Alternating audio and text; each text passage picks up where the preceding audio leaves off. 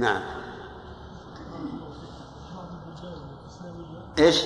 بعض الاسلاميه لا علماء ياخذون العلم ينصحون بقراءه الكتب؟ والله الظاهر ان ان في أول الأمر سماع الأشرطة أحسن في أول الأمر ثم بعد ذلك المطالعه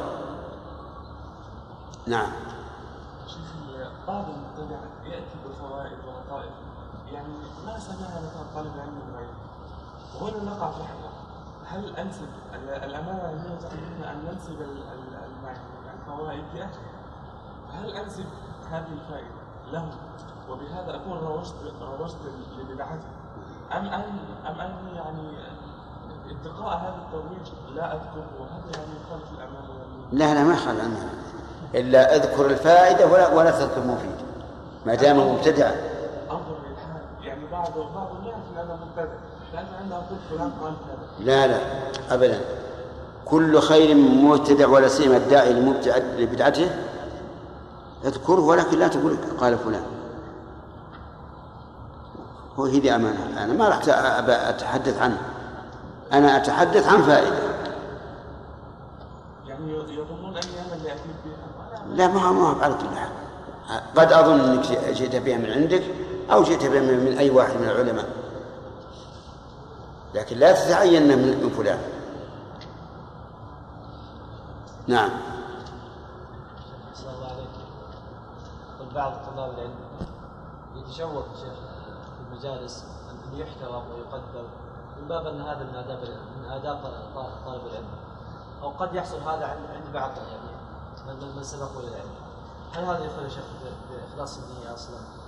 وهل هذا يعني والله يخشى. إذا كان الإنسان إنما يطلب العلم من أجل أن يحترم هذا هذه نية رديئة جدا. يعني تشوف مثل هذا أقول لا لا هذا معناه طلب العلم لغير الله فليصحح النية. لكن يطلب العلم ليكون إماما للناس يعلمهم ويبين لهم الشريعة وليكون فخورا بإرث الرسول عليه الصلاة والسلام شيخ بارك الله فيكم الجلوس للتدريس لا لا على سبيل العموم. هل هو من الترأس الذي إيش؟ عنه؟ إيش؟ الجلوس للتدريس نعم. في درس العلم؟ نعم. هل هو من قبل أن تكمل الاهليه مع مع أنه مفيد يا شيخ الجلوس في جلسه التدريس مفيد. لا بس هو على كل حال الجلوس للتدريس وإن كان لم يكمل يجلس ولكنه لا يتعدى حده. لا يتعدى حده كيف؟ يعني لا يجيب مثلا مسائل كبار وهو ما ما يستطيع أن يعرفها. يعني مثلا افرض إنه بيدرس مثلا في في الأصول الثلاثة. الأصول الثلاثة سهلة وكلنا نعرفها. ما في مانع. لكن يجي بيدرس مثلا آه، كتاب الرد على المنطقيين. أو نقد المنطق شيخ السام أو شرح الطحاوية. وهو ما يعرف إلى الآن ما تمكن لا. قول عمر رضي الله عنه اتفاقه قوم يسود كيف يسود الناس؟ أصلا من ليس بأهل. لا هو الإنسان يتبرز لابد أن يسود. برز فهو أهل للتصدق طيب هو آه، آه، عمر يقول تعلموا قبل. يعني احرص على العلم وتعلمه واكتسبه قبل أن أن تكون سيدا بين الناس. فتنشغل وهذا هو الواقع إيش؟ قول المالك رحمه الله يرتفع عن الجمود على محض معنى ذلك أنه يكون له آراء خاصة كيف؟ هل يفهم من ذلك أن يكون يعني هل يفهم من ذلك أن يخرج على شيخ باقوال مثلا؟ لا من مسألة الشيخ لكن قصد الإنسان المتعلم لا يجمد على مذهب على مذهب من المذاهب.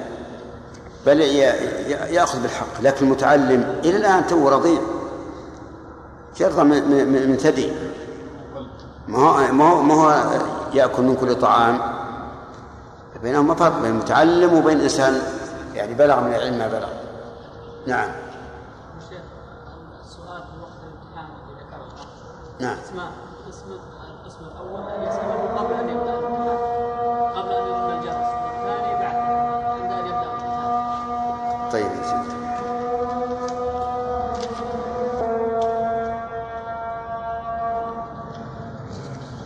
لا إله إلا الله اللهم صل على محمد اللهم رب هذه الدعوه التامه وصلى الله على محمد.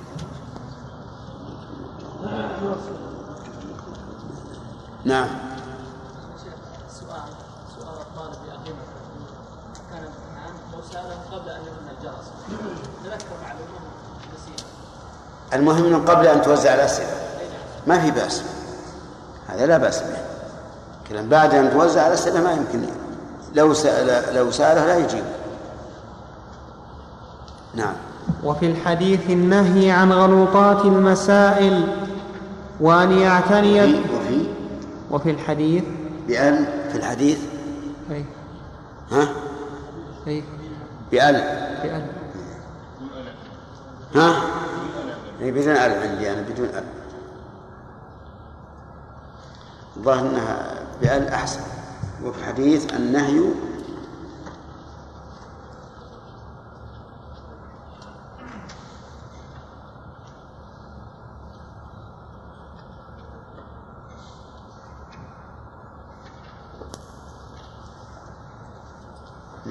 وأن يعتني بتحصيل الكتب شراء واستعارة ولا يشتغل بنسخها إن حصلت بالشراء. الأغلوطات معناه المسائل التي لخفائها وغموضها يغلط فيها الناس كثيرا. بحيث يسأل عن المسائل المعقدة إما في الفرائض وإما في, في الوصايا وإلا في أو في غيرها. المهم التي يغلط فيها الناس كثيرا. أو في الرضاع أيضا. دائما تأتي الغلوطات في الم- في- في الرضاع. فهذه ينهى عنها. نعم.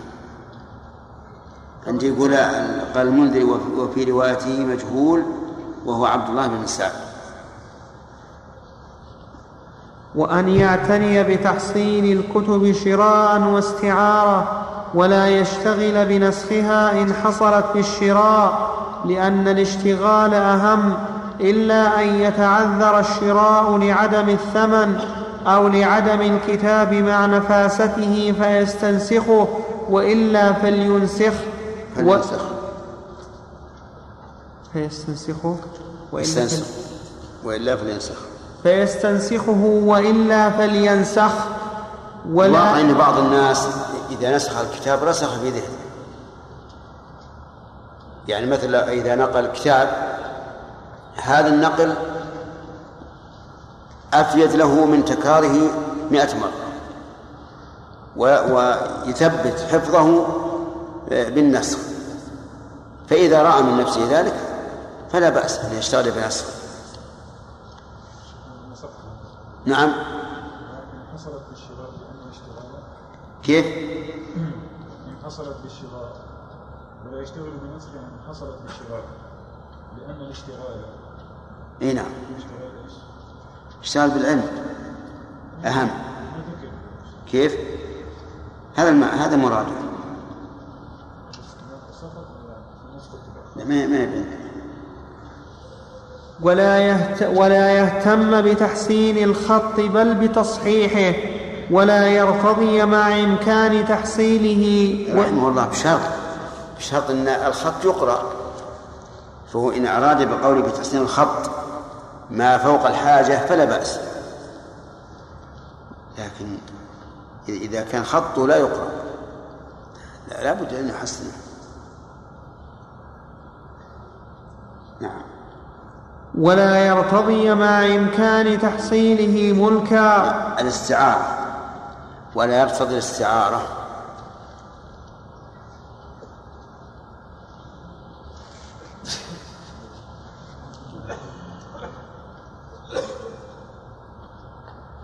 ولا يرتضي الاستعارة مع إمكان تحصيله ملكا فإن استعاره لم, لم يبطئ به لئلا يفوت الانتفاع به على صاحبه ول- يفوت لئلا يفوت الانتفاع به على صاحبه ولئلا يكسل عن تحصيل الفائدة منه ولئلا يمتنع من من إعارته غيره. وقد جاء في ذم الإبطاء برد ذكر ثلاث مفاسد في إبطاء رد العارية. أولا توفيت الانتفاع به على صاحبه. والثاني أنه يكسل عن تحصيل الفائدة منه لأنه إذا قال أرده غدا أرده بعد غد كسل عن تحصيل الفائدة منه. لكن لو وطن نفسه على أنه يرده غدا فسوف يحرص على تحصيل الفائدة. ولئلا يمتنع من إعارته غيره. يعني المعير إذا رأى الناس إذا أعارهم أبطوا وتأخر وتأخروا كان ذلك كان ذلك سببا لمنع العارية وهنا نقول هل الأفضل والأولى أن يحدد مدة للعارية؟ فيقول أعرتك نصف شهر شهرا. الظاهر هذا أحسن أحسن أن نحدد لئلا تفوت المصالح ويكسل المستعين. نعم. وقد جاء في ذم الإبطاء برد الكتب المستعارة عن السلف أشياء كثيرة نثرا ونظما ورويناها في, في كتاب الخطيب الجامع لأخلاق الراوي والسامع منها عن الزهري إياك وغلول, وإياك وغلول الكتب وهو حبسها عن أصحابها وعن الفضيل وعن الفضيل ليس من أفعال أهل الورع ولا من أفعال الحكماء أن يأخذ سماع رجل وكتابه فيحبسه عنه. ومن فعل ذلك فقد ظلم نفسه. قال الخطيب وبسبب حبسها امتنع غير واحد من إعارتها. ثم روى في ذلك جملا عن السلف وأنشد فيه أشياء كثيرة والمختار استحباب الإعارة لمن لا ضرر عليه في ذلك لأنه إعانة على العلم مع ما في مطلق العارية من نعم الفضل. نعم مع ما في مطلق العارية من الفضل. وروينا عن وكيع رحمه الله المختار استحباب الإعارة لمن لا ضرر عليه. ينبغي أن يضاف إليه قيد آخر ويستفيد من الع- العارية. فإن أعار كتابا كبيرا لطالب علم صغير فلا فلا يستحب هذا. لأنه إذا فعل ذلك فسوف يضيعه سوف يضيع هذا هذا الصغير ولا يستفيد من الكتاب.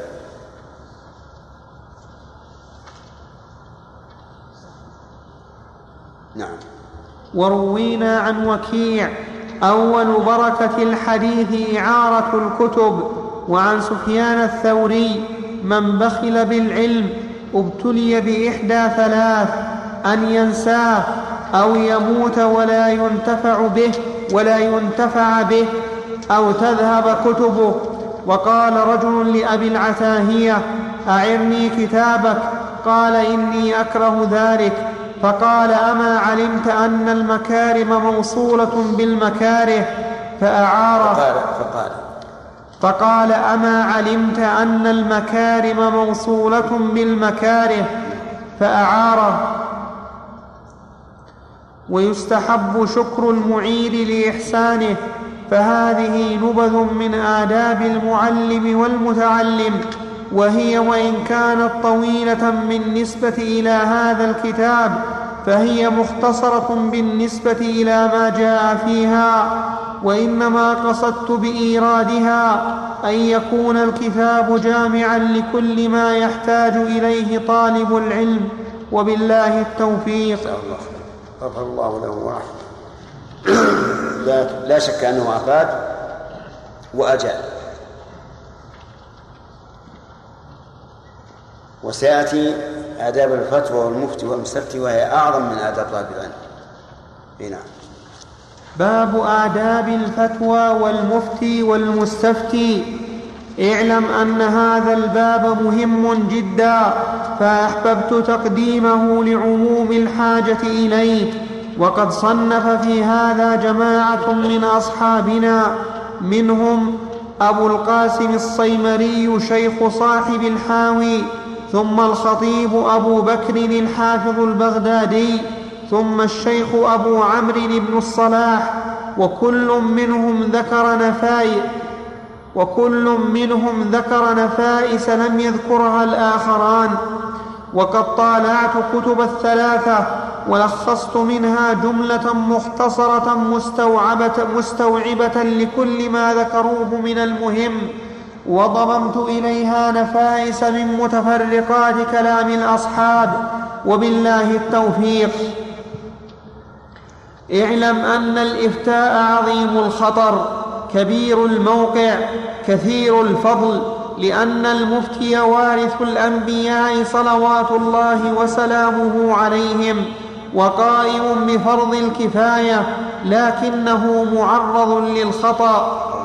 وله ولها ولكنه معرض للخطأ ولهذا هل قالوا عندكم خطأ ولا خطر؟ بالهمزة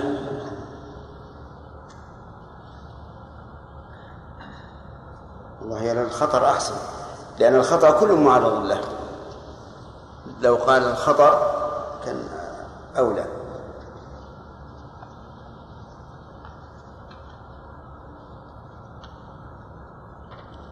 نعم. ولهذا قالوا المفتي موقع عن الله تعالى وروينا عن ابن المنكدر أنه قال العالم بين الله تعالى وخلقه فلينظر كيف يدخل بينهم. وروينا عن السلف وفضلاء الخلف من التوقف عن الفتيا أشياء كثيرة معروفة نذكر منها أحرفا تبركا.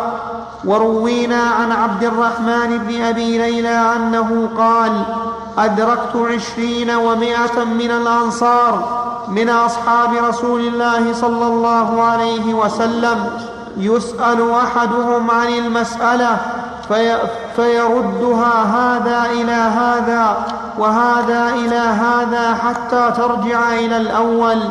وفي رواية ما منهم من يحدث بحديث إلا ودأ أن أخاه كفاه إياه ولا يستفتي عن شيء ولا ولا يستفتى عن شيء إلا ود أن أخاه كفاه الفتيا. يمكن بس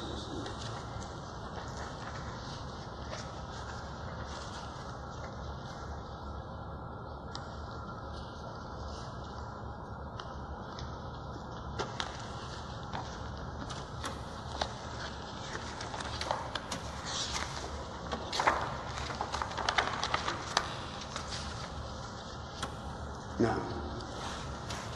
وعن وروينا عن عبد الرحمن. بن ابي ليلى نعم. أقرأها. إي نعم. وروينا عن عبد الرحمن بن أبي ليلى أنه قال أدركت عشرين ومائة من الأنصار من أصحاب رسول الله صلى الله عليه وسلم يسأل أحدهم عن المسألة فيردها هذا إلى هذا وهذا إلى هذا حتى ترجع إلى الأول. وفي رواية ما منهم من يحدث بحديث إلا ود أن أخاه كفاه إياه ولا يستفتى عن شيء إلا ود أن أخاه كفاه الفتيا. لكن إذا إذا علم الإنسان أنه لو آه، توقف عن عن الفتيا ذهب المستفتي إلى إنسان جاهل وأفتاه. فهنا نقول يجب عليه أن يفتي. لأن الإفتاء فرض كفاية. وهنا لم لا, لا يجد في البلد من يكفي فيجب عليه أن يفتي. هذا إذا كان عالما.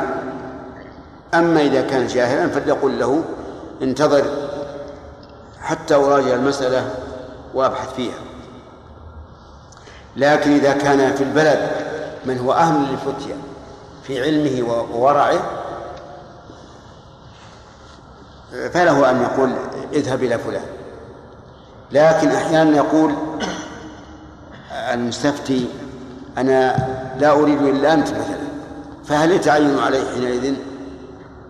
الجواب نعم يتعين عليه حينئذ لأنه ما دام هذا المستفتي لا تطيب نفسه إلا بفتوى هذا الرجل المعين فيجب عليه أن يفتي نعم.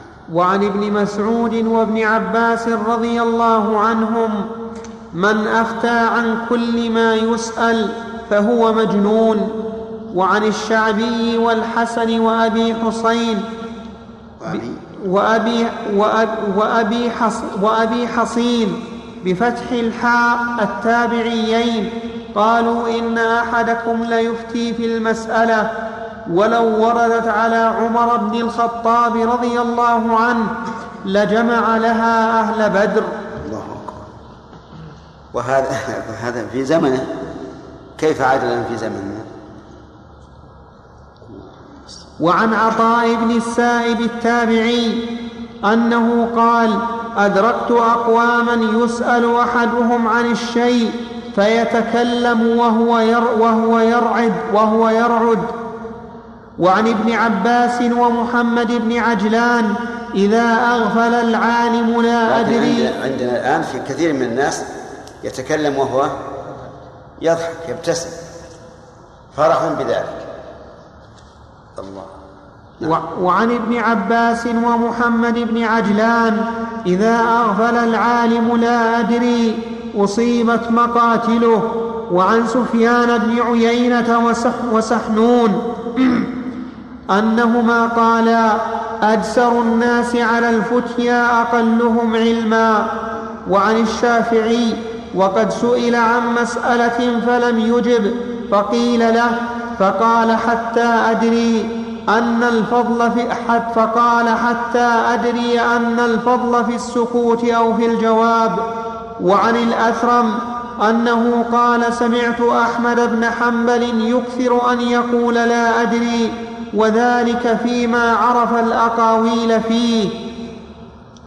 وعن الهيثم بن جميل أنه قال شهدت مالكا سئل عن ثمان وأربعين مسألة فقال في ثنتين وثلاثين منها لا أدري. وعن مالك أيضا أنه ربما كان يسأل عن خمسين مسألة فلا يجيب في واحدة منها وكان يقول من أجاب في مسألة فينبغي قبل الجواب أن يعرض نفسه على الجنة والنار وكيف خلاصه ثم يجيب؟ وسئل عن مسألة فقال لا أدري. فقيل هي مسألة خفيفة سهلة فغضب وقال ليس في العلم شيء خفيف. وقال الشافعي هذا الورع لكن هل ضرهم هذا؟ أبدا بل صاروا أئمة وأخذ الناس علومهم واقتدوا بهم. نعم. و... نعم. الشافعي والحسن وأبي حصين إيه؟ التابعيين. اي نعم. صاروا ثلاثة يا شيخ التابعيين واثنين اي ظاهر انه قصد الاخير الحسن وأبي حصن نعم. هو هو ذكر ثلاثة الشعبي والحسن وأبي حصن نعم. لا كانوا التابعين. وقال الشافعي ما رأيت أحدا جمع الله تعالى فيه من آلة الفتيا ما جمع في ابن عيينة أسكت منه عن الفتيا. وقال أبو حنيفة لولا الفرق من الله تعالى أن يضيع العلم ما أفتيت يكون لهم المهنى وعلي الوزر. وأقوالهم في هذا كثيرة معروفة. قال الصيمري والخطيب قل من حرص على الفتيا وسابق إليها وثابر عليها إلا قل توفيقه واضطرب في أموره وإن كان كارها لذلك غير مؤثر له ما وجد عنه مندوحة وأحال الأمر فيه على غيره كانت المعونة له من الله أكثر والصلاح في جوابه أغلب واستدل بقوله صلى الله عليه وسلم في الحديث الصحيح لا تسأل الإمارة فإنك إن أعطيتها عن مسألة وكلت إليها وإن أعطيتها عن غير مسألة أعنت عليها. نعم. شيخ بارك الله فيكم هذه الآثار هل هي في عموم المسائل أم في المسائل المشكلة؟ لأن هناك مسائل يعرفها صغار موجودين في العلم. إي نعم. وربما سئل الإنسان عنها فهل يقف في مثل هذه المسائل أم مسائل ظاهر ان هذه قضاء يعني قضايا أعيان ربما يكون في وقت يرى أن المصلحة الامساك لكن عموما يا شيخ القاعدة يمشي عليها طالب العلم. الطالب العلم أن أن يحرص على أن لا يفتي إلا إذا خاف شيء. إذا كان السائل مضطرا فل- فل- فليفتي لا بد من هذا. إذا كان عنده علم. والا كل ما سلم فهو أسلم. لكن هل يسلم من يعرف أنه ليس في البلد إلا إلا أناس جهال يفتون بغير علم؟ ما يسلم. ولا خلاص خلاص مثل ما قال أبو حنيفة لهم المهنة المهنة وعلينا الوزر نعم. يكثر أحيانا بعض العلماء أن يسأل بعض الناس في بعض البلاد فيقول له ارجع إلى المفتي عندك أو في بلدك فهل لهذا ضابط معين رد الفتوى من قبل المستفتي حتى إلى هذا العالم. أما أما أما ما فيه خصومة ما فيه خصومة فالإنسان الأحسن أن لا يفتي. لأن المستفتي لن يذكر حجة الآخر. وإذا أفتاه على حسب كلامه صار في هذا مفسدة.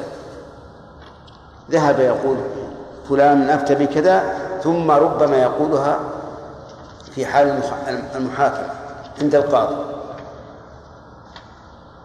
فهنا الأولى ألا ألا- يجيب. هذه واحدة. ثانيا أحيانا يكون الإنسان في دائرة. في دائرة. ويفعل شيئا تعرف أنه لا يجوز أو مكروه على الأقل. فيأتيك واحد من من هذه الدائرة يسأل والرئيس اللي فوقه هو, هو الذي سن هذا الأمر. هذا أيضا لا, لا تفتيه. لأنك إذا أفتيته ذهب ينازع ولي الأمر الذي فوقه بفتواك مثال ذلك مثلا هذا إنسان جاء يسأل يقول نحن نصلي في الدائرة دائرتنا والمسجد قريب قريب منا هل يجوز أو لا؟ هنا لا تجب. سواء كنت تعتقد أن الواجب الجماعة في أي مكان أو أن الواجب أن تكون في المسجد. لا تجب. ليش؟ لأنه سوف يأخذ فتواك سواء مكتوبة ولا شفوية. سوف يأخذها إلى هناك وينازع ولي الأمر. وربما يكون ولي الأمر مستندا إلى فتوى من عالم آخر وماشٍ عليها فالمهم أن الإنسان يجب عليه أن يحترز في مثل هذه الأمور. نعم.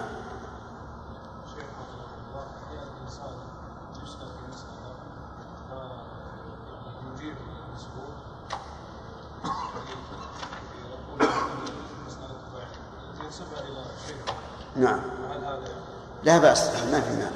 يعني إذا سئل الإنسان وهو ما عنده ليس عنده علم لكنه قد علمها من من عالم معتبر فليقول قال فلان كذا وكذا. ويكون هذا راويا لا مفتيا. نعم. كثيرا شبه جلية أو مساوية فهل العلم إذا اتضح له قياس بعض الصفات أن يفتي من يسأله والله كما قلت لك الإنسان اللي عنده اللي عنده أهل فهذا متأهل يعني عنده أهلية لهذا فلا بأس يسأل لا سيما إذا كان هناك ضرورة ليس في البلد أحد و, و أنا أنا أرى أن طالب العلم الصغير أن تحرزه عن الفتوى أحسن أحسن بكثير نعم ما رأيك ان يذاكر علينا؟ يعني يسهر طول الليل إيه وفي النهار ينام. الضحى يعني لا بأس به. بس بشرط أن لا يرهق نفسه إن أرهق نفسه فلنفسه عليه حق. عرفت؟ نعم. أنا أنا أس... أنا أرى أراكم لكن ما أريد أن تكون الأسئلة كلها لكم. نعم. خلاص؟ طيب. شيخ لو يعني لو كان يعني هناك مفتي في البلد راسخ في العلم. هل تجوز الإحالة إليه في الأمور التي ما تخص العقيدة يعني في بدعته؟ إيش؟ هل تجوز الإحالة إلى مفتي راسخ في العلم إيه. يعني مبتدع في القضايا التي لا لا تخص العقيدة أو البدع أمور يعني متفق عليها أنت وش بالك مع أهل البدع؟ هذا سؤال ثاني من أهل البدع لا تحرص على أن يكونوا أئمة لا تحرص بأي حال من الأحوال. حتى في الأمور الواضحة لا تحرص. نعم. شيخنا بارك الله فيكم. أثناء مناقشة الطالب لشيخه في الدرس بأن يرد عليه أقوال العلماء الثانيين الذين رأوا غير قوله هل هناك مسائل آه، يمكن أن يناقشوا فيها في المجلس؟ وم- ومسائل آه، لا يصلح أن يناقشوها في المجلس.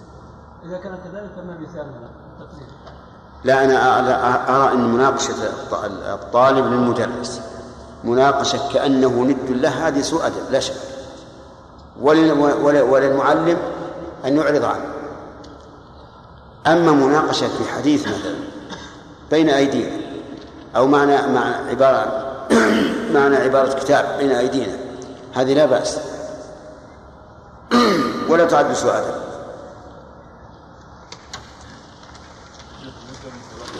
نعم. نعم. الأثر الذي فيه انقطاع بينه وبين علي نعم. طلب مني حفظكم الله أن آتي بتاريخ وفاته إيه. نعم. ترجمة هو لأنه علم بالانقطاع. شو؟ إيه نعم. توفي سنة 31 و200 ذكرها الذهبي رحمه ذكر ذلك الذهبي رحمه الله في المجلد العاشر من السير سير على النبلاء صفحة 651 وكذلك المزي رحمه الله في تهذيب الكمال وفي هذه بغداد هذه وفاته إي نعم. بعيد من يدك إي ما ما.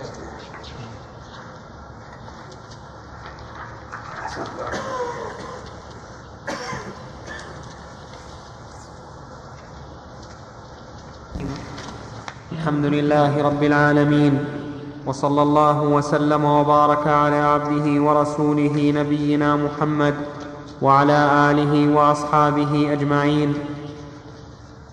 أما بعد فقد قال النووي رحمه الله تعالى في آداب العالم والمتعلم فصل قال الخطيب ينبغي للإمام أن يتصفح أحوال المفتين فمن صلح للفتيا أقره ومن لا يصلح منعه ونهاه أن يعود وتواعده بالعقوبة إن عاد.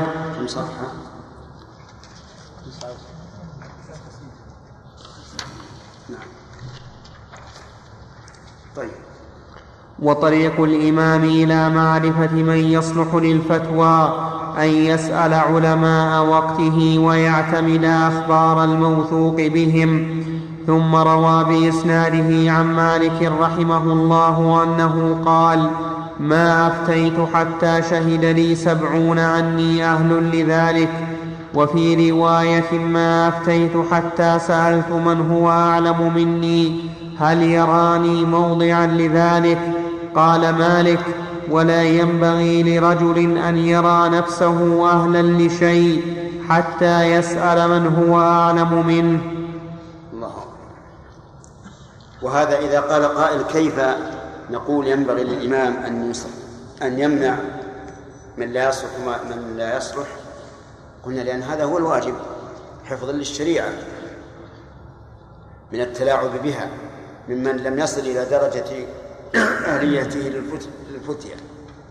وليس هذا من باب منع العلم بل هو هذا من باب منع الشر والفساد. نعم.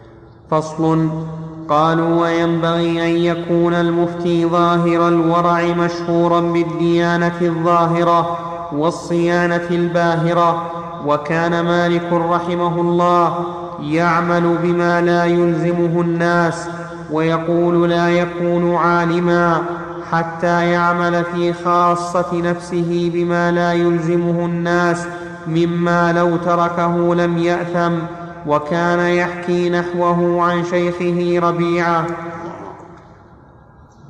خلافا لبعض الناس. بعض الناس يفتي نفسه بما لا يفتي به الناس بمعنى أنه يرخص لنفسه ما لا يرخصه للناس بحجة أنه واثق من نفسه وأنه آه، لن يفعل. مثلا لو أن إنسان يفتي الناس بتحريم الخلوة بالمرأة. وهذا حرام لأن النبي صلى الله عليه وسلم نهى عنه. لكنه يفتي نفسه بأنه لا بأس أن يخلو بها لأنه يقول عن نفسه إنه إيش؟ واثق من نفسه ولن يحصل الشر. هذا لا يجوز.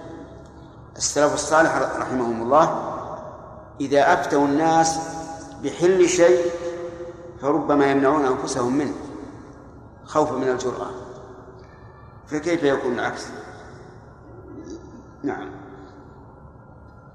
فصل شرط المفتي كونه مكلفا مسلما ثقة مأمونا متنزها عن أسباب الفسق وخوارم المروءة فقيه النفس سليم الذهن رصين الفكر صحيح التصرف والاستنباط متيقظا متيقظا سواء في الحف سو متيقظا سواء فيه الحر والعبد والمرأة والأعمى والأخرس إذا كتب أو فهمت إشارته. قال الشيخ أبو عمرو بن الصلاح وينبغي أن يكون كالراوي في أنه لا يؤثر فيه قرابة وعداوة وجر نفع ودفع ضر. لأن المفتي في حكم, في حكم مخبر عن الشرع بما, بما لا اختصاص له بشخص فكان كالراوي لا كالشاهد وفتواه لا يرتبط بها إلزام بخلاف حكم القاضي. قال وذكر صاحب الحاوي. يعني معنى مثلا إذا أفتى أباه أو ابنه أو أخاه أو ما أشبه ذلك فلا يمنع. بينما هو لو قضى لابنه أو أبيه فإن حكمه لا ينفذ. لكن المفتي كالراوي كما أن الراوي يحدث أباه ويحدث ابنه ويحدث عدوه ويحدث صديقه فكذلك المفتي. فمعنى أنه لا يؤثر فيه قرابة وعداوة يعني معناه أن أننا لا نمنع فتواه إذا أفتى أحدا يجر إليه نفعا أو يدفع ضررا. لماذا؟ لأنه إيش؟ كالراوي مخبر بخلاف القاضي القاضي والشاهد لا تقبل شهادته ولا حكمه في من يجر إليه بشهادته أو حكمه نفعا واضح؟ نعم قال وذكر صاحب الحاوي أن المفتي إذا نابذ في فتواه شخصا معينا صار خصما صار خصما حكما صار خصما حتى حكما. سم. حكما. صار خصما حكما. يعني في حكم الخصم. معاندا. فترد فتواه على من عاداه كما ترد شهادته عليه. واتفقوا. لكن هذا لا يقع. الله إلا من شخص لا يخاف الله. يعني معناه أنه إذا استفتاه شخص معاد له شدد عليه وقال هذا حرام ويلزمك كذا ويلزمك كذا هذا هذا يظهر أنه لا يقع من إنسان يخاف الله. لأن هذا لأن الإفتاء إخبار عن دين الله عز وجل. والمفتي واسطة بين من؟ بين الخلق والخالق. فلا يجوز أن يؤثر فيه العداوة أو الصداقة فيفتي للصديق بشيء وللعدو بشيء آخر. نعم لو رأى شخصا متهاونا ورأى أن يفتيه بالأشد فهذا لا بأس به يعني هذا من باب مراعاة الحال ومن باب التربية. فقد يفتي شخصا مثلا يعرف أنه متهاون في محظورات الإحرام مثلا فيقول له يلزمك كذا ويلزمك كذا وربما يفتي بالأشد نظرا لحاله. وربما يفتي آخر بخلاف ذلك. لكن إذا خاف أن يكون في ذلك مثلبة عليه بمعنى أن يقول الناس في عرض ما يقولون فهنا يجب أن يلاحظ هذه المسألة. وإذا أبتى شخصا بما تقتضيه حاله فليقل له مثلا إن هذا بيني وبينه.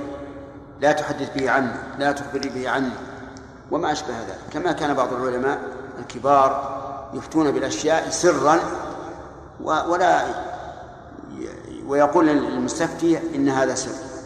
مثلا آه، عبد السلام جد شيخ الإسلام ابن تيمية رحمه الله كان يفتي بالطلاق الثلاث واحدة لكن يقول عنه ابن حفيده يقول إنه يفتي بذلك سرا. وكذلك ينقل عن بعض العلماء أنهم يفتون سرا بأشياء لا يفتونها عموما حسب حسب الحال والإصلاح. نعم. واتفقوا على أن الفاسق لا تصح فتواه ونقل الخطيب فيه إجماع المسلمين. ويج وهذا يدل عليه قول الله تعالى يا أيها الذين آمنوا إن جاءكم فاسق فاسق بنبأ فتبينوا. فالنبأ هنا يشمل حتى ما ينبئ به عن دين الله. أن نتبين. ولكن هذا في الحقيقة إذا طبقنا هذا الحكم الذي حكى فيه الخطيب إجماع المسلمين وطبقناه على حال بعض الناس اليوم مشكل يبقى إشكال عظيم. لأن مثلا إذا قلنا إن الفسق يثبت بفعل الكبيرة إذا لم يتب منها وقلنا إن الغيبة كبيرة فمن يسلم من الغيبة؟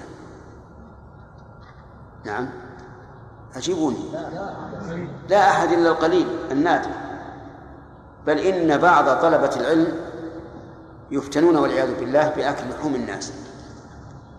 ولا سيما من كانوا مشاركين لهم في العلم.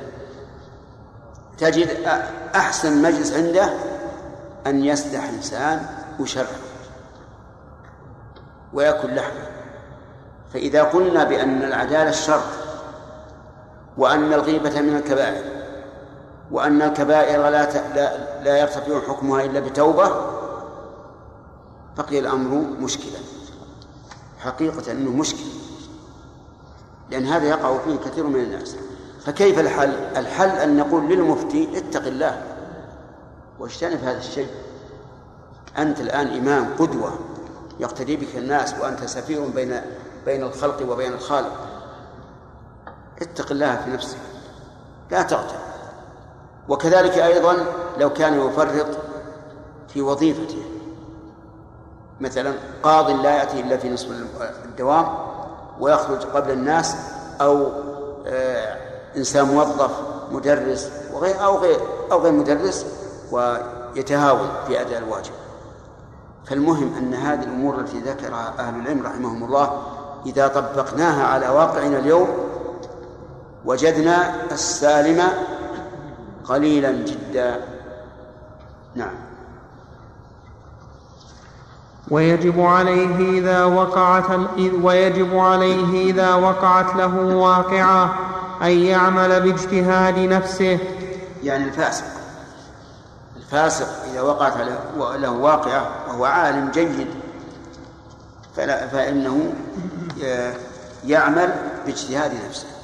ولا بأس بمعنى أنه يجوز يفتي نفسه لكن الناس لا يقبلون فتواه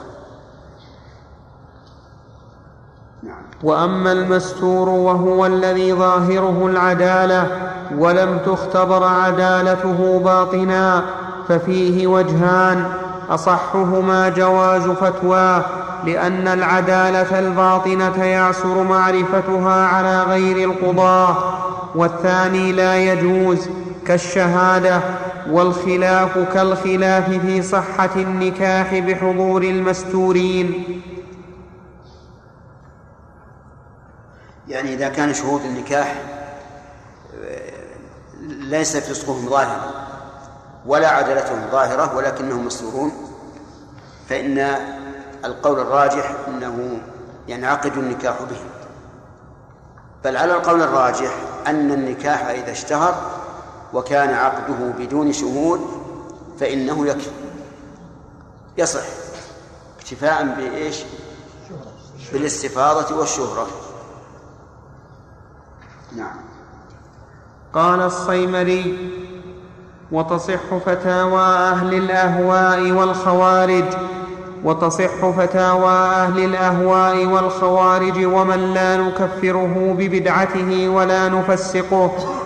هذا يجب أن يقيد لأن فتاوى فتاوى الخوارج إذا أفتوا بكفر الإمام نأخذ بفتواهم؟ ما نأخذ. ولهذا يجب أن يقيد هذا الإطلاق بما إذا لم تكن الفتوى محل تهمة. فإن كان محل تهمة فلا تقبل. هنا قول تصح فتاوى أهل الأهوى والخوارج ما هو ليس على إطلاقه بل يجب أن نقيده بما إذا لم يكن هناك تهمة ما إذا كان هناك تهمة. يأتينا رجل خارجي سليط اللسان. فيقول الإمام كافر ما ما يصلح هذا. نعم. ونقل الخطيب هذا ثم قال وأما الشراة والرافضة الذين يسبون السلف يسبون السلف الصالح ففتاويهم مردودة وأقوالهم ساقطة. الشراط ما أعرف. ها؟ الشر بالراء الشراه يا شيخ ها؟ أحد فرق الخوارج. كيف؟ الشراه أحد فرق الخوارج. الإخوان يقول عندنا الشرار الخوارج يعني يعني إيش؟ الله شراء. إي نعم. يعني كانوا في اليمن القرن الثالث. الاخوان راجعوا لأن هو لو لو, لو لم تأتي النسخة الشرار كان أمر ي- ال- الإخوان يقول هذا بارد. صك ذاك. نعم. على كل حال الوصف هؤلاء الشراط سواء الشرار أو الشراط أنهم يسبون السلف الصالح. فهؤلاء لا فتاويهم مردوده واقوالهم ساقطة. لأن هذا من أعظم الفسق. نعم. والقاضي كغيره في جواز الفتيا بلا كراهة هذا هو الصحيح المشهور من مذهبنا. ق... لكن بشرط ألا يظن أن هذا المستفتي سيكون له حكومة. فإن ظن ذلك فله أن يمتنع. ولأن بعض الناس يأتي إلى إلى شخص يستفتيه وهو يعني للقاضي وله حكومة من أجل إذا أفتاه القاضي ثم حصلت المخاصمة وحكم بخلاف ما أفتى صار مشكلة. فالواجب أن أن المفتي في أن أن القاضي ينتبه لهذا. نعم. هذه جملة معترضة. ورأيت. قال الشيخ ورأيت. قال الشيخ ورأيت في بعض تعاليق الشيخ أبي حامد أن له الفتوى في العبادات وما لا يتعلق بالقضاء وفي القضاء وجهان لأصحابنا أحدهما الجواز لأنه أهل والثاني لا لأنه موضع تهمة. وقال ابن المنذر تكره الفتوى في مسائل الأحكام الشرعية. وقال شريح أنا أقضي ولا أفتي. قول مسائل الأحكام الشرعية يعني ما ما يمكن أن يكون فيه القضاء.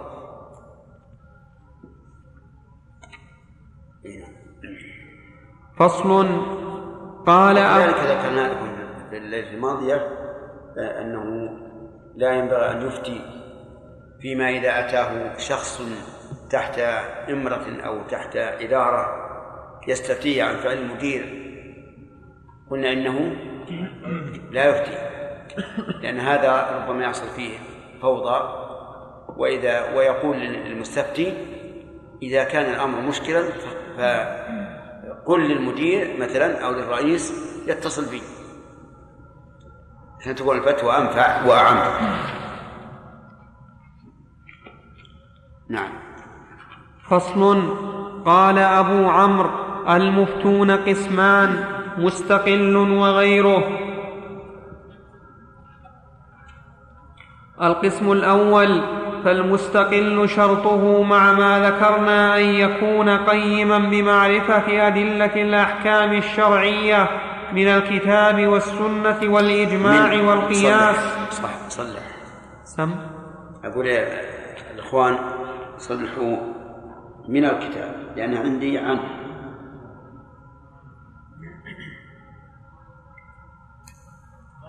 وأنا عندي أن يكون فقيها بمعرفة في نسخة نسخة. نعم. وهي عندنا أيضا. ها؟ كيف؟ مستقل وغيره. ها؟ ها؟ اي ما بعد. يأتي. سيفصل سي- سيبين. فالمستقل هذا القسم الأول. هو أشكل عليه أحسن الله إليك. إني أنا قرأت القسم الأول. ها؟ وأنا قرأت القسم الأول. وآدم ليس عنده القسم الأول. اي إحنا عندنا فالمستقل شرط. أي هو اللي أشكل عليه. إنه ما عنده القسم الأول. لفظة القسم الأول ما عنده. بس فقط. ها؟ لكن عندنا في المستقل شرط. هذا القسم الأول. نعم. بمع أن ي... فالمستقل شرطه مع ما ذكرنا أن يكون قيما بمعرفة أدلة الأحكام الشرعية من الكتاب والسنة والإجماع والقياس وما التحق بها على التفصيل. وقد فصلت في كتب الف... في كتب الفقه فتيسرت ولله الحمد. وأن يكون عالما بما يشترط في الأدلة ووجوه دلالتها وبكيفية اقتباس الأحكام منها وهذا يستفاد من أصول الفقه عارفا من علوم القرآن والحديث والناسخ والمنسوخ. والنحو واللغة والتصريف واختلاف العلماء واتفاقهم بالقدر الذي يتمكن معه من الوفاء بشروط الأدلة والاقتباس منها ذا دربة وارتياض في استعمال ذلك عالما بالفقه ضابطا لأمهات مسائله وتفاريعه فمن جمع هذه الأوصاف فهو المفتي المطلق المستقل الذي يتأدى به فرض الكفاية وهو المجتهد المطلق المستقل لأنه يستقل بالأدلة بغير تقليد وتقيد بمذهب أحد. قال أبو عمرو وما شرطناه من حفظه لمسائل الفقه لم يشترط في كثير من الكتب المشهورة لكونه ليس شرطا لمنصب الاجتهاد لأن الفقه ثمرته فيتأخر عنه وشرط الشيء لا يتأخر عنه وشرطه, الإس وشرط وشرطه الأستاذ أبو إسحاق الإسفرائيني. وصاحبه أبو منصور البغدادي وغيرهما واشتراطه في المفتي الذي يتأدى به فرض الكفاية هو الصحيح وإن لم يكن كذلك في المجتهد المستقل. ثم لا يشترط أن يكون جميع الأحكام على ذهنه بل يكفيه كونه حافظا حافظا المعظم متمكنا من إدراك الباقي على قرب. وهل يشترط أن يعرف الحساب من الحساب ما يصحح به المسائل ما يصحح به المسائل الحسابية الفقهية؟ حكى أبو إسحاق وأبو منصور فيه خلافا لأصحابنا والأصح اشتراطه؟ الأصح عدم اشتراط لأن المسائل الحساب وسائل للوصول إلى معرفة الوصايا والفرائض المواريث وما أشبهها. وبإمكانه أن يفتي فيقول مثلا للزوجات الثمن وللأم السدس وللبنت كذا وللأخت كذا وإن لم يعلم. يعني وإن لم يعلم الحساب.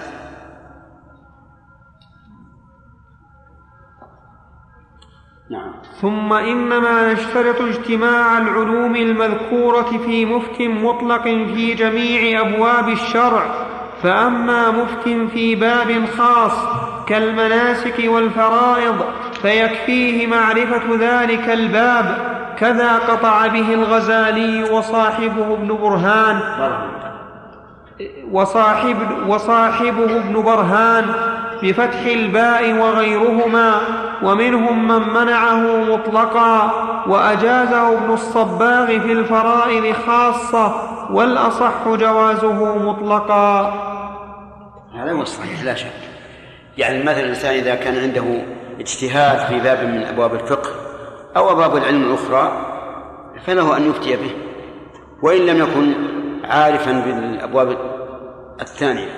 مثلا إنسان جيد في الفرائض مجتهد في الفرائض لكنه في النكاح ما يعرف.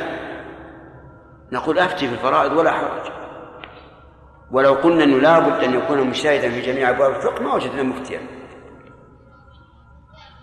فالأصح كما قال النووي رحمه الله جوازه مطلقا. نعم.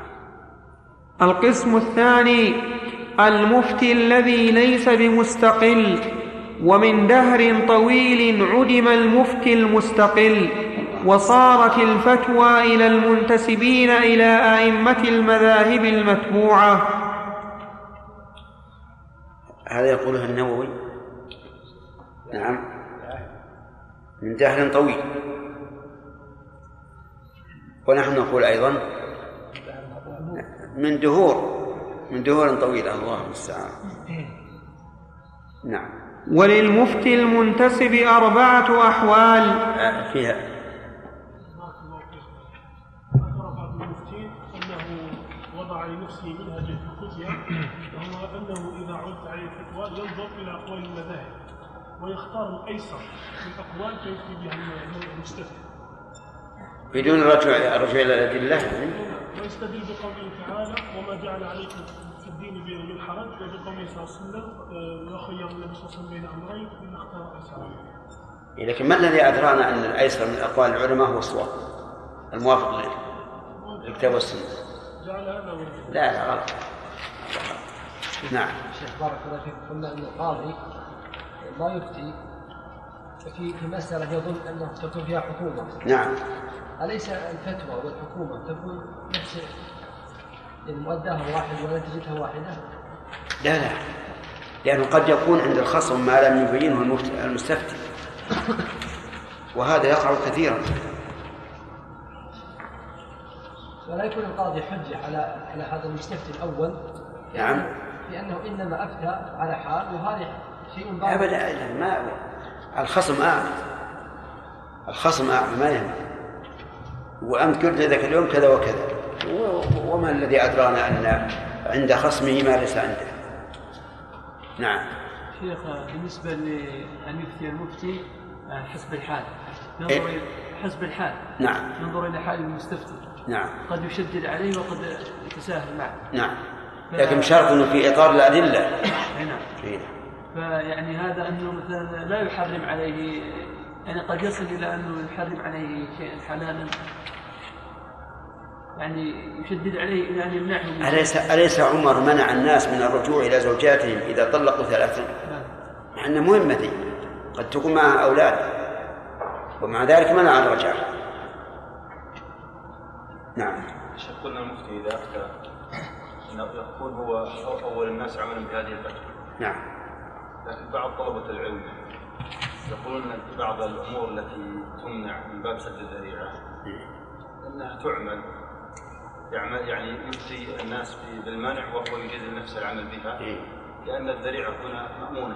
كذا ومثل مثل مثال ذلك يقول مثل من تصرف في حق غيره. نعم. كمال اليتيم والصدقات لا يجوز له أن يتصرف بها إلا بالأصل.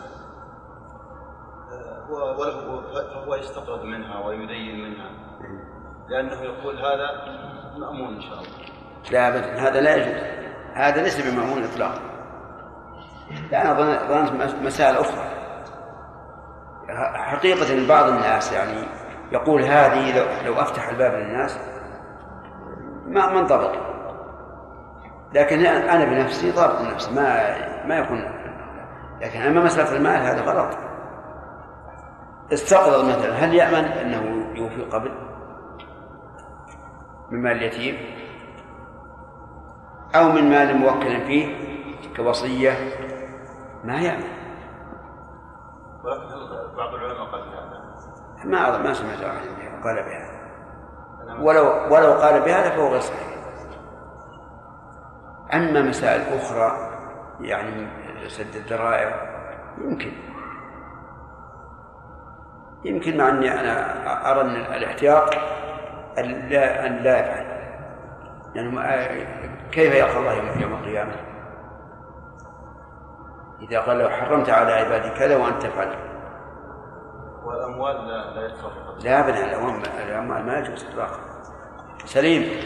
الله عنك يا شيخ تقسيم فتوى يا شيخ. مثل ما ذكر ابن والرسول صلى الله عليه وسلم يقول رحم الله من بلغ عني ولو واحد بلغوا عنه. إيه، بلغ عني ولو واحد اي نعم. هذا يا شيخ قبل الإنسان وثق من نفسه. وعلم وعلم ان ان الفتوى انها من أنها من أحكام الشرع. وجاء واحد محتاج محتاج للفتوى إيه بيجينا إن شاء الله يا سليم إن شاء الله بيجينا إن شاء الله ما تقر به عينه وتطمئن اليه نفسه في في المجتهد الثاني اللي غير مستقل. كلامه في. في المجتهد المستقل ولذلك هو نفسه. النووي يقول هذا. من زمان ما يوجد. نعم. نعم يا عبد الوهاب يا شيخ. أنا ارجح ما قلناه الشيخ في في عدم اشتراط الشيخ المفتي. في نقل الخطيب في اجماع المسلمين على أن الفاسق لا تصح فتواه يا شيخ إذا خرجنا من هذه البلاد أكثر العلماء أكثر من يفتي حالق للحيه فلا يبقى له مفتي في أكثر إي هذه مشكلة أنا أنا قلت المشكلة هذه مشكلة جدا. يعني نرجح مكتبه نعم. هو إذا صح الإجماع ما ما يمكن نخرج عن الإجماع لكن ما أظن يصح الإجماع في هذه المسائل. وربما يكون بعض المفتين الذي تشير إليهم يرون أن حلق اللحية لا بأس به. ها؟ وكذلك الدخان. وكذلك إسبال الثوب. كل هذا عند بعض الناس ما هي, ما هي شيء. يعني ليست حرام. نعم بارك الله هناك فرق بين المفتي المطلق والمجتهد المطلق إيش؟ هل هناك فرق بين المجتهد المطلق والمفتي المطلق؟ إي المجتهد أوسع أوسع من من ال- المفتي المطلق لأنه يك- يكون عنده ملكة يستطيع أن يرجح وي- ويعلل ويدلل بخلاف المفتي شيخ بارك الله فيكم إذا كان المفتي معروفا باستهزائه بأهل- السنة بإيش؟ باست- باستهزائه بأهل السنة أو الملتزمين بالسنة كمن يقصر ثوبه أو يعفي لحيته أو كذا. ويعني يظهر منه الاستهزاء بمثل هذه الأمور. فهل تقبل فتواه أو يستفتى؟ والله في ظني أن يقال إذا وثق الإنسان إلى عالم طالب علم سواء فاسق ولا غير فاسق إذا وثق إلى بفتواه أخذ به. إذا لم يوجد غيره. لأنه لا شك أن هذا الإنسان اللي عنده اطلاع وإن كان فاسقا أقرب إلى إصابة الحق من من عام تسأله في الطريق. ولا ما لا تصل إذا كان لا يوجد في هذه البلاد إلا هذا الطراز. نعم.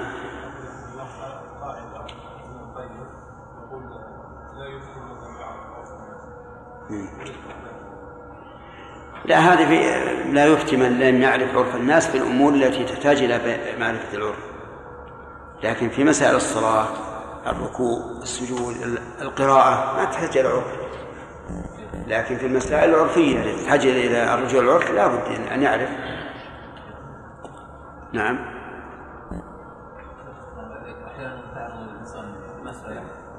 آه، ما يعرف يعني الصواب فيه ولا يوجد وقت مخير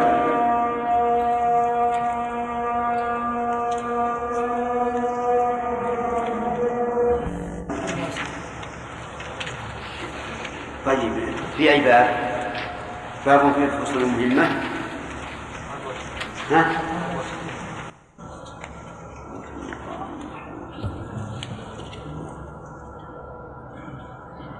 نعم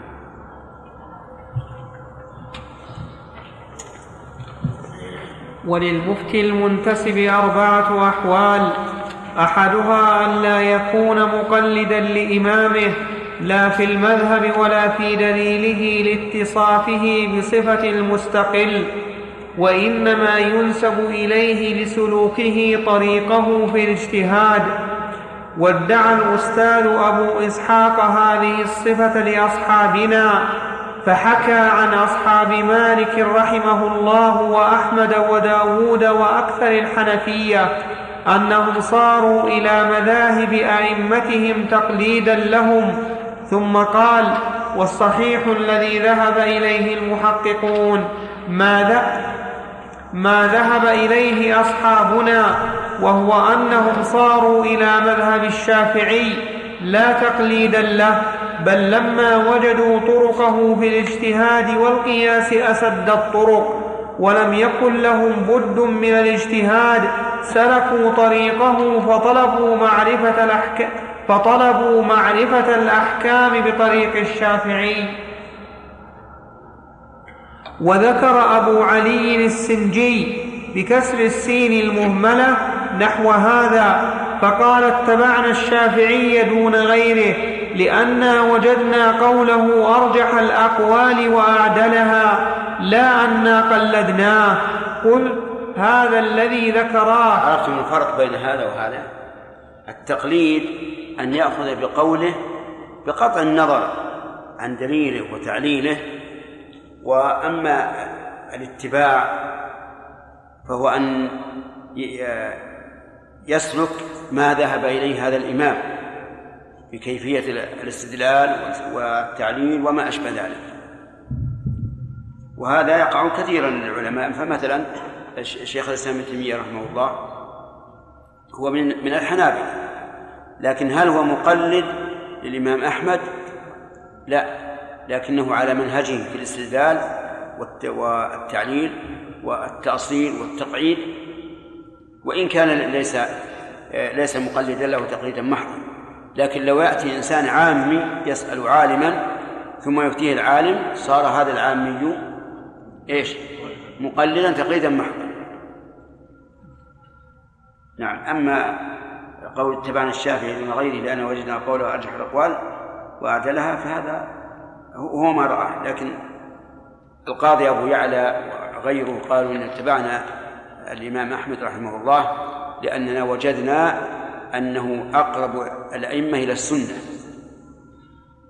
ولا شك أن من المشتهر المعروف أن الإمام أحمد يطلق عليه إمام إمام أهل السنة وأنه أقرب المذاهب إلى إلى إصابة السنة.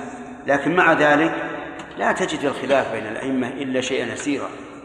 حتى الإمام أحمد قال بعضهم إنه ما من ما من قول في مذهب إلا وللإمام أحمد رحمه الله قول فيه ولهذا يوجد عن الإمام أحمد روايات متعددة في مسألة واحدة.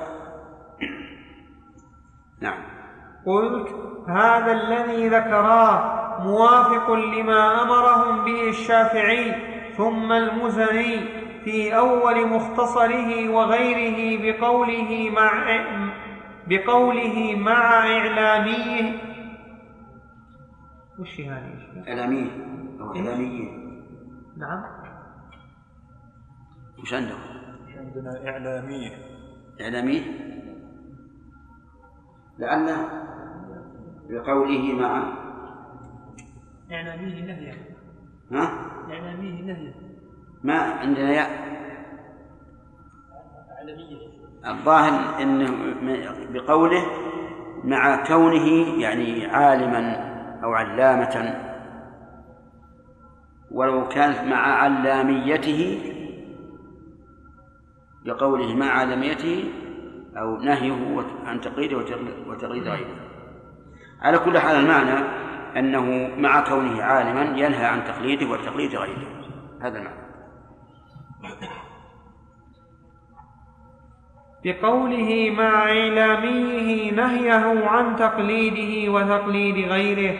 قال أبو عمرو دعوى انتفاء التقليد عنهم مطلقا لا يستقيم ولا يلائم المعلوم من حالهم أو حال أكثرهم. وحكى بعض أصحابنا الأصول منا أنه بعض أصحاب الأصول. وحكى بعض أصحاب الأصول. ما فيها نعم. نعم. وحكى بعض أصحاب الأصول منا أنه لم يوجد بعد عصر الشافعي مجتهد مستقل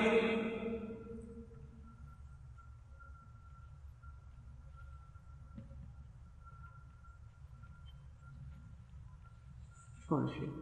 نعم شلون هذا؟ ها؟ الكلام هذا مشكل يعني ليش؟ يقتضي أن الإمام أحمد لم يكن مجتهدا اجتهادا مستقلا نعم. لأنه قال بعد عصر الشافعي. لأنه بعد عصره وعصره يمتد إلى أكثر من هذا. لأن الإمام أحمد في عصر الشافعي من تلاميذه. ثم فتوى المفتي في هذه الحالة كفتوى المستقل في العمل بها والاعتداد بها في الإجماع والخلاف. إذا هذا مستقل لكنه نعم متبع. ليس مستقلا بنفسه لكنه متبع. ومثل هذا كثير من العلماء كشيخ الإسلام ابن تيمية رحمه الله وكذلك المؤلف النووي وغيره. نعم. الحالة الثانية.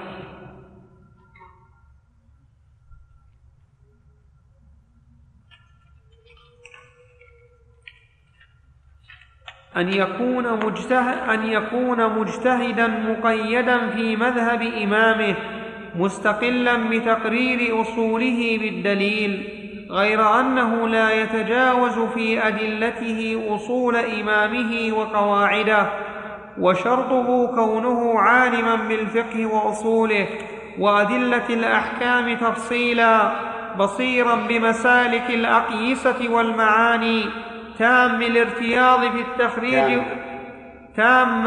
الارتياض في التخريج والاستنباط قيما بإلحاق ما ليس منصوصا عليه لإمامه بأصوله ولا يعرى عن شوب تقليد له لإخلاله ببعض أدوات المستقل بأن يخل بالحديث أو أو العربية وكثيرا ما أخل بهما المقي المقيد ثم يتخذ نصوص إمامه وصولا يستنبط منها كفعل المستقل بنصوص الشرع وربما اكتفى في الحكم بدليل إمامه ولا يبحث عن معارض كفعل المستقل في النصوص.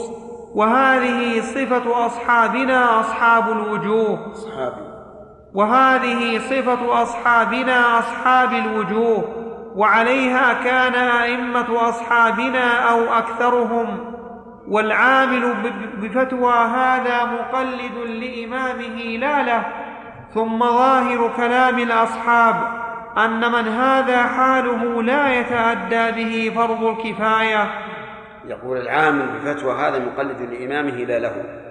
هذا فيه نظر بل العامل بفتواه مقلد له وهو مقلد لإمامه إلا إذا قال المفتي هذا مذهب الشافعي مثلا. هذا مذهب ابن حنبل هذا مذهب مالك هذا مذهب أبي حنيفة فنعم. وأما إذا أفتاه وهو مقلد لأحد الأئمة فإن المستفتي سيكون مقلدا لمن؟ للمفتي. قال أبو عمرو ويظهر تأدي, تأدي الفرض به في الفتوى وإن لم يتأد في إحياء العلوم التي منها استمداد الفتوى لأنه قام مقام إمامه المستقل لأنه قام مقام إمامه المستقل تفريعا على الصحيح وهو جواز تقليد الميت ثم قد يستقل المقيد في مسألة أو باب خاص كما تقدم. وله أن يفتي فيما لا نص فيه؟ أين تقدم؟ في الحال الأولى. قريبا أنه يجوز أن يكون مجتهدا في في باب من أبواب الفقه. نعم. وله أن يفتي فيما لا نص فيه لإمامه بما يخرجه على أصوله. هذا هو الصحيح الذي عليه العمل. وإليه مفزع. وإليه مفزع المفتين من مدد طويلة. ثم إذا أفتى بتخريجه فالمستفتي مقلد لإمامه لا له. هكذا قطع به إمام الحرمين في كتابه الغياثي وما أكثر فوائده. قال الشيخ أبو عمرو وينبغي أن يخرج هذا على خلاف حكاه الشيخ أبو إسحاق الشيرازي وغيره. ان ما يخرجه أصحابنا هل يجوز نسبته إلى الشافعي؟ والأصح أنه لا ينسب إليه ثم تارة يخرج من نص وهذا هو الظاهر. الظاهر إن المخرج على نص الإمام ليس كنص الإمام لأن لأن الإمام نفسه ربما يعارض يعارض في تخريجه على ما قال. فلهذا الذي الذي يظهر أن المستفتي في فيما كان مخرج على على أصول الإمام مقلد لمن؟ للمفتي. نعم. ثم تارة يخرج من نص معين لإمامه وتارة لا يجده فيخرج على أصوله فيخرج. فيخرج على أصوله بأن يجد دليلا على شرط ما يحتج به إمامه فيفتي بموجبه. بموجبه فإن نص إمامه على شيء ونص في مسألة تشبهها على خلافه فخرج من أحدهما إلى الآخر سمى سمي قولا مخرجا. وشرط هذا التخريج ألا يجد بين نصيه فرقا فإن وجده وجب تقريرهما على ظاهرهما. ولهذا تجدون في كتب الخلاف ويقولون مثلا ويخرج أو وتخرج كل مسألة على على أخرى من نصه في كلام. لأنه أحيانا يكون على الإمام روايتين يكون عن عن الإمام روايتان ثم يأتي أصحاب الإمام يخرجون كل واحدة على الأخرى بمعنى أن يحملوا هذه على هذه وهذه على هذه مع الاختلاف. لكن لا بد من الرجوع إلى إلى أصل المذهب. نعم. ويختلفون كثيرا في القول بالتخريج في مثل ذلك لاختلافهم في إمكان الفرق. قلت وأكثر ذلك يمكن فيه الفرق وقد ذكروه. نعم. التخريج القياس. قياس هذه على نص أي نعم. ولهذا يقولون لهذه الرواية مخرجة. يعني مقيس على ما نص عليه. نعم. إيه المقلدين لازم. أهل التقليد يمشون على هذا. نعم. الحالة الثالثة لاحظوا أننا نسمع كثيرا الحالة الثالثة. والأفصح لغة تذكير الحال لفظا وتأنيثها معنى. وعلى هذا فيقال في مثل في مثل العبارة دي الحال الثالثة. نعم. ما انتهى الوقت؟ إيش؟ الغياثي الهمزة والله محتملة ما. نعم. الثاء بالثاء. محتملة. نعم. الحال الثالثة. ألا يبلغ رتبة. لا لا تقول حال ثالثة والله النقل أمانة. الحكمة ظلت المؤمن. ها؟ أقول الحكمة ظلت المؤمن. لا لا. هي جائزة لكن الأفصح. الأفصح. طيب. الحالة الثالثة ألا يبلغ رتبة أصحاب الوجوه لكنه فقيه فقيه النفس. حافظ مذهب إمام حافظ مذهب إمامه عارف بأدلته قائم بتقريرها يصور ويحرر. ويقرر ويمهد ويزيف ويرجح لكنه قصر عن أولئك لقصوره عنهم في حفظ المذهب أو الارتياض في الاستنباط أو معرفة الأصول ونحوها من أدواتهم. وهذه صفة كثير من المتأخرين إلى أواخر المئة الرابعة.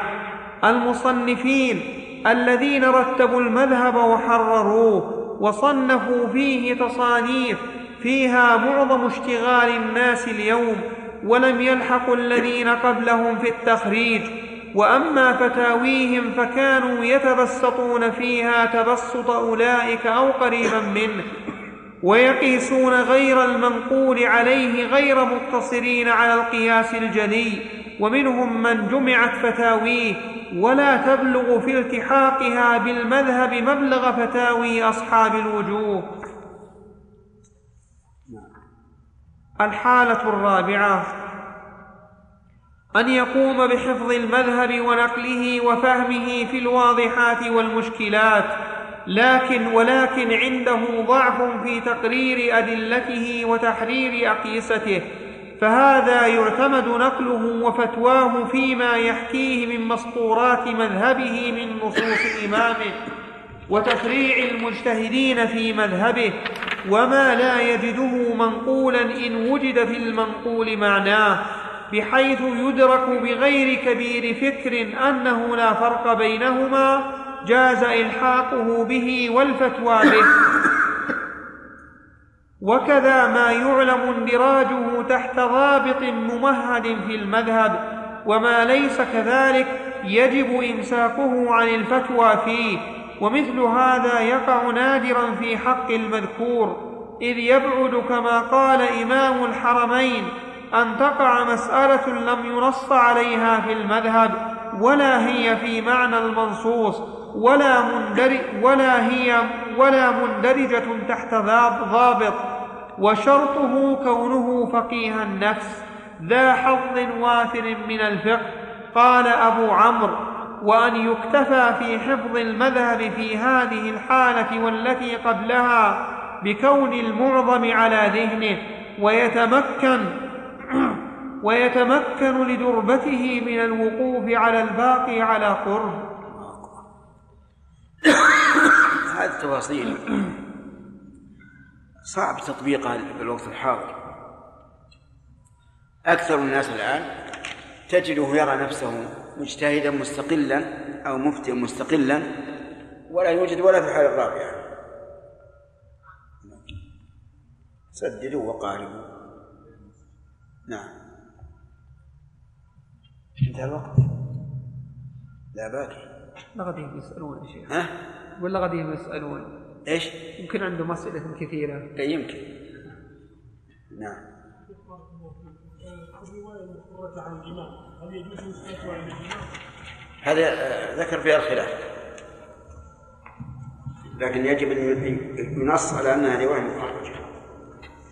لأن الإمام ربما لو لو عرضت عليه هذه المسألة ما ما قبل. نعم. شيخ الإسلام تيمية رحمه الله. لا يعتبر مستقلا لا ما هو بالظاهر لا. لأن تصرفاته رحمه الله تدل على عدم ذلك. إذ هو دائما يقول قال أصحابنا وتخرج على نصوص الإمام وما أشبه ذلك. نعم. شيخ بعض الأئمة المتأخرين آه، وصلت لهم أشياء لم تزل في الأئمة المتقدمين وعلى هذا أيضا يعني حدثت مسائل. لا ها. وصلت لهم أدلة. ما وصلت ما خفيت على المتقدمين. لم تخفى عليه لا خفيت. خفيت على المتقدمين. وأيضا طرق يعني مثلا تجد أن الإمام المتقدم يصحح لبعض الحديث. نعم. لأنه لم ي- لم يأتي إلا الطرق الضعيفة. نعم. ولكن ربما وصل للمتأخر طرق أخرى. هي صحيحة بذاتها يعني. نعم. فعلى هذا يعني يعني كيف يفعل ماذا يفعل طالب إن خفيت عليه؟ مثلا به الوقت. من يقلد الآن؟ هل يقلد الإمام والله يا شيخ ال- العلماء الأولين في تصحيحهم وتضعيفهم ليسوا ينظرون إلى مجرد السند كما يفعل بعض الناس الآن. بعض الناس الآن ما ينظر إلى إلى متن الحديث. وهل يخالف المعلوم من السنة أو من القرآن فتجده يعتمد على ظاهر السند. ثم يصحح. أو على ظاهر السند ثم يضعف مع أن المتن لا بد أن يكون له اعتبار ولهذا من شرط الصحيح أن لا يكون الحديث معللا ولا شاذا. وهذه مسألة تفوت بعض الناس. لكن شيخ أوضح من ذلك نعم. ربما أدلة باكملها ما تصل على كل حال يمكن يمكن هذا. ما دام الصحابة رضي الله عنهم خفي عنهم حديث الطاعون يمكن هذا. يقلد الآن. يعني بعض الطلاب أنا سمعت يقول أنا إذا خفيت علي مسألة فلست حنبليا لست شافعيا إنما أنا لا يقول له لا لا يفعل.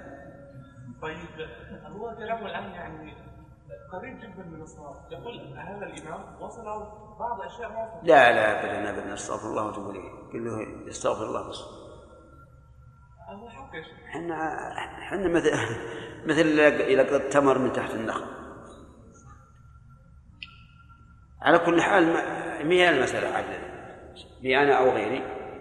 إنما المسألة ربما آه، يطلع مثلا المتأخر على شيء لم يطلع المتقدم. هذا ممكن. ما ما ينكر هذا. لكن الغالب أن علوم الأولين أصح وأقرب إلى الصواب وأسد. هذا الغالب. له في هذه الحاله قلب المتقدم. يعني لا ما نقول قلب المتقدم. أخشى أخشى يروح الواحد قال فلان وهو ما يدري وش. نعم. نعم طيب أحيانا يورد في اعلام الواقعين يورد باب الخلاف أحيانا عن بعض الإمامية وبعض أهل الاعتزال إيش؟ يو- يورد الخلاف أحيانا عن؟ عن بعض الإمامية. أو عن عن بعض أهل- بعض بعض المعتزله يراد مثل هذا الخلاف شيخ وذكر وذكر يريده ولا يعتد به. ما يعتد به. ربما يريده إذا إذا إذا كانت المسألة أنا أذكر من هذا مسألة الطلاق الثلاث أن الرافضة لا يرون الطلاق الثلاث لا يقع أبدا لا واحدة ولا أكثر يقول أن هذا ليس عليه أمر الله ورسوله فيكون مردودا هو يقصد بذلك التقوية خلاف البدع هذه المسائل هل هو قالوا يعني أبدا هو على كل حال إذا كان هذا القول لا يقوي بدعته ولكنه يقوي جانب الحق فلا بأس لأن أهل البدع أهل البدع عندهم علماء لا شك لكن علماء بعضهم ضال والعياذ بالله.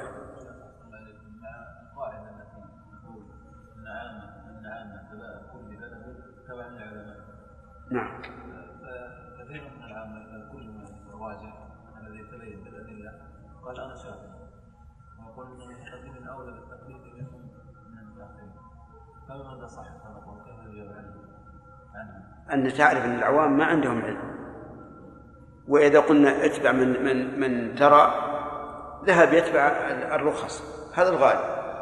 الغالب على العام أن يتبع الرخص. فمثل يقول إنه يريد أن يشرب الدخان لأن بعض العلماء أحله. ما ما يمكن. أو تقول المرأة أنها تريد أن تخرج كاشفة الوجه لأن بعض العلماء أحله هذا لا يمكن معناه يفرق نظام المجتمع.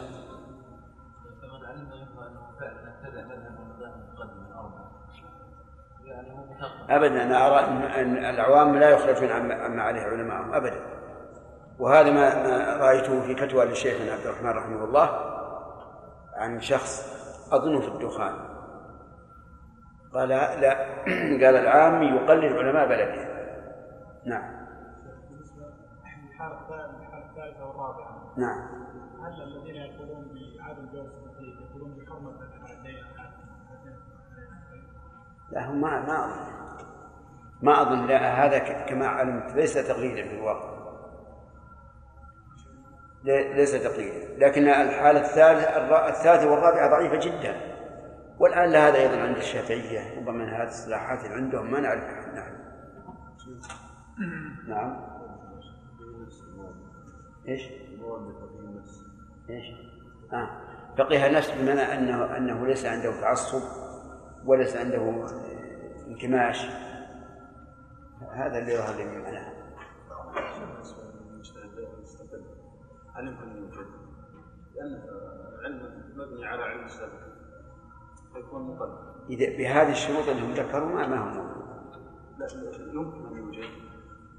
يمكن في- فيما سبق يعني. إيه. فيما يأتي ولا أما ما يأتي ما ندري العلم عند الله. لا لا يمكن لا يمكن أن يبني علم إلا على علم المتقدمين. إيه. واذا بنى يكون مقلدا لا لا لا ما هو هذا ما هو هذا يعني يأخذ أقوال العلماء الأولين ويرجحها بالأدلة. يكون مستقلا. يكون مستقلا ما في شيء. جاي معناه ك... معناه ك... ما يوجد مستقل من عهد الصحابة إلى اليوم حتى الأئمة ما هم مستقلين. الشيخ الاسلام لماذا يقول في المستقل؟ نعم. الشيخ الاسلام والله ما أظن مستقل.